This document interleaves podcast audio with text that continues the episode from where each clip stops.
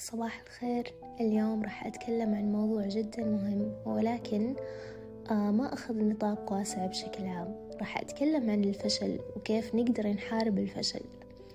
آه طبعا الفشل وارد عند الإنسان. زي ما نعرف الإنسان بطبيعته خطاء والخطأ من سمات البشر في أي شيء. أي شيء نسويه في الحياة عادة أما يفشل أو ينجح. مين فينا ما تعرض للفشل في فترة معينة من حياته؟ أو كم في شخص ما وصل لأهدافه بسبب خوفه من فشله؟ أو كم في شخص حط قيود على نفسه وما قدر يوصل لأن سلاسل قيود الفشل دائما تمنعه؟ الفرق الأساسي بين الشخص الناجح وغير الناجح هو طريقة تعامله مع الفشل وليس عدم الفشل. الفشل جزء لا يتجزأ من مراحل النجاح. وانت دورك إنك تواجه الفشل بحياتك عشان توصل للنجاح. وعشان تكون شخص ناجح لازم يكون عندك يقين إن الفشل مرحلة مؤقتة. ولكن البعض ينصدم عند الفشل ويوقف عند النقطة الأولى اللي فشل منها يحبط تماما. بناء على أكثر من اكسبيرينس مر فيها يكون خالي تماما من المحاولات. على سبيل المثال آه شخص قرر يصير بودكاسترز بعد كذا اختار الفكرة وفكر بالمحتوى. وسجل. بعد كذا جلس يبحث بمواقع التواصل الاجتماعي عن طريقة كيف ينشر البودكاست للعالم. ما حصل الوسيلة أو بالأصح الوسيلة كانت صعبة عليه. وفيها تعقيد بعض الشيء.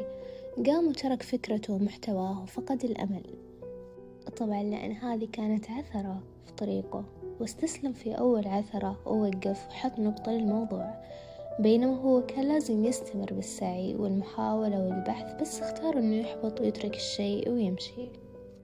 هذا كان أقرب مثال للأشخاص الملولين وهم الأكثر عرضة للفشل. الشخص الملول دائما هو اللي ما يحاول. هو هذا الشخص نفسه الفاشل بدوامه الفاشل بعلاقاته الفاشل بكل شغلة يتكلف فيها. هو هنا قافل إن الفشل ممكن يكون هو بداية النجاح. الفشل من أهم مقومات النجاح لأن الفشل دائما يكون محفز عشان ما تستسلم. آه قطار الحياة يصير ترى ما راح ينتظرك لما تفشل وتسقط وتستسلم. أنت لازم تنهض وتكمل وراه آه استبدل مصطلح الفشل. بدل ما تقول أنا فشلت تقول أنا أخطأت. التفكير الإيجابي دائما يغلب الفشل. آه لا تكونوا عرضة للأتيكيفوبيا. وهو رهاب الفشل اللي دائما يمنعك تكمل.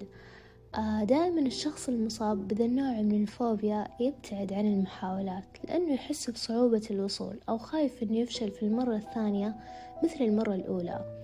وهنا نستنتج أنه خوفه هو سبب فشله لأن الخوف من الفشل أحد أسباب الفشل. وأول خطوة للتغلب على الفشل هو الاعتراف فيه. أيوة أنا أخطأت أو فشلت في التجربة. ولكن راح أحاول مرة وثنتين وثلاث. وهذه النقطة راح تخليك تتقبل لأن تقبل الفشل أول أسباب التعافي.